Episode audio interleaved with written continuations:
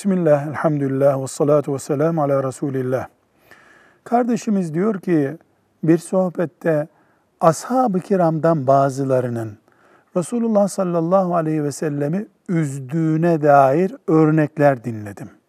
Halbuki biz onları en iyi Müslümanlar olarak biliyoruz şeklinde soru soruyor. Cevap olarak diyoruz ki münafıkların Resulullah sallallahu aleyhi ve sellemi üzmesi başka bir şey. Kafirler ve münafıklar bilerek, kastederek üzdüler. Sonucunda da cehennem kütüğü oldular.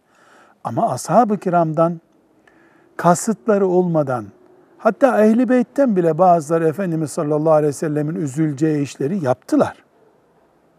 Fakat onlar bu yaptıklarından dolayı cehennemlik olmadılar. Neden peki böyle bir şey oldu? Ya da niye cehennemlik olmadılar? Bir, kasıtları yoktu. İki, Resulullah sallallahu aleyhi ve sellem Efendimiz o üzmüş olmalarına rağmen onlara tatlı, merhametli kimliğiyle muamelede bulundu. O onları bağışladı. Allahu Teala da bağışladı. Dolayısıyla o hatalar eriyip gitti.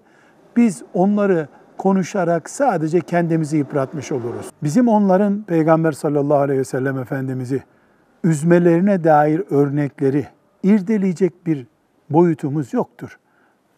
Kimi üzdüler? Peygamber sallallahu aleyhi ve sellem. O onları ben size hakkımı helal etmiyorum, beni üzüyorsunuz demedi ki. Bağrına bastı. Dolayısıyla biz bu olaydan Resulullah sallallahu aleyhi ve sellemin ne kadar merhametli olduğunu çıkarırız. Ashab-ı kiramın da insan olarak sahabi olduklarının örneğini çıkarırız. İnsandılar, yanlış yaptıkları oldu, tövbe etmesini bildiler, geri gelmesini bildiler. Böylece hep kazanıp gittiler. Bu mantıkla bakmaya çalışalım. Velhamdülillahi Rabbil Alemin.